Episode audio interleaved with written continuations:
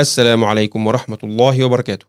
لو جالي واحد صاحبي قال لي حسين أنا معايا 200 جنيه ذهب ومش عارف أشيلهم فين.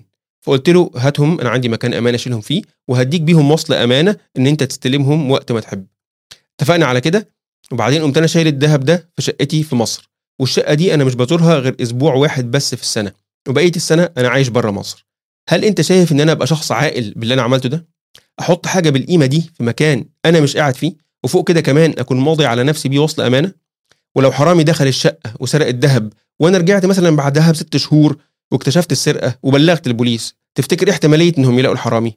ولو لقوه احتمالية إن يكون لسه الذهب معاه ما اتصرفش. بلاش حرامي اللي دخل أصلا. مش ممكن يحصل تسريب مية فالجيران يدخلوا عشان يقفلوا المحبس بدل ما هو عمال يسرب عليهم. فواحد منهم طلع مش تمام فشاف الذهب وسرقه.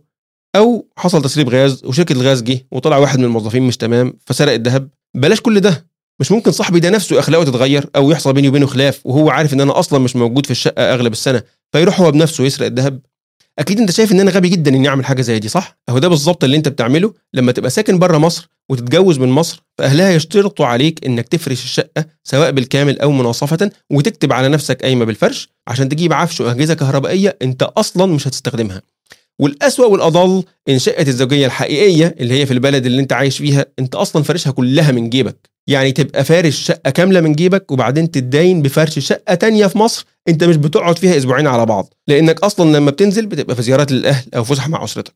وبعدين العفش والأجهزة الكهربائية دي ملهاش لازمة غير إن العدة تاكلها. تخيل مثلا لو حاجة من الأجهزة الكهربائية دي طلعت بايظة.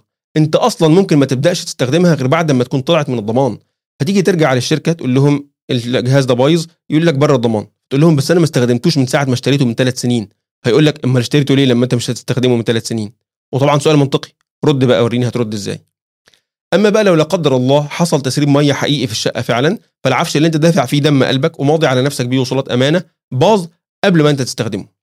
ولو حصل خلاف بينك وبين زوجتك لا قدر الله وطلعت هي أو طلع حد من أهلها ناس زبالة وعايزين يلوا دراعك هيروحوا ياخدوا العفش من الشقة ويتهموك بتبديل العفش. وأنت أصلا ما شفتش الكلام ده كله حصل إمتى ولا إزاي؟ أقول لك بقى الانقح أنت عارف إن قضية تبديل العفش دي قضية مخلة بالشرف مش كده؟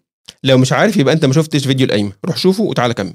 لو اتحكم عليك فيها فانت بتعرض نفسك انك تروح تقدم على شغل بره مصر فيطلبوا منك صحيفة الحاله الجنائية مترجمة وموثقة فلما يلاقوا محكوم عليك فيها بقضية مخلة بالشرف مش هتشتغل طبعا. يعني تخيل يجي لك شغل في الحكومة في ألمانيا ولا كندا وتروح عليك الشغلانة عشان العفش. ده غير الدول اللي بتطلب صحيفة الحاله الجنائية من ضمن أوراق التجنيس. فلما يلاقوا محكوم عليك في قضية مخلة بالشرف بيترفض الطلب. وانت بقى محتاج تستأنف وتقف قدام قاضي وتشرح له يعني إيه قايمة الأول وبعدين تقنعه إنك ما بددتهاش ولا حاجة لكن أهل مراتك سرقوها. تعرف تشرح لقاضي كندي يعني إيه قايمة؟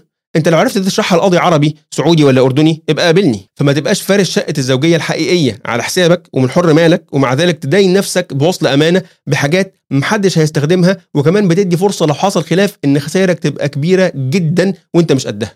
اتفقنا؟ سلام عليكم.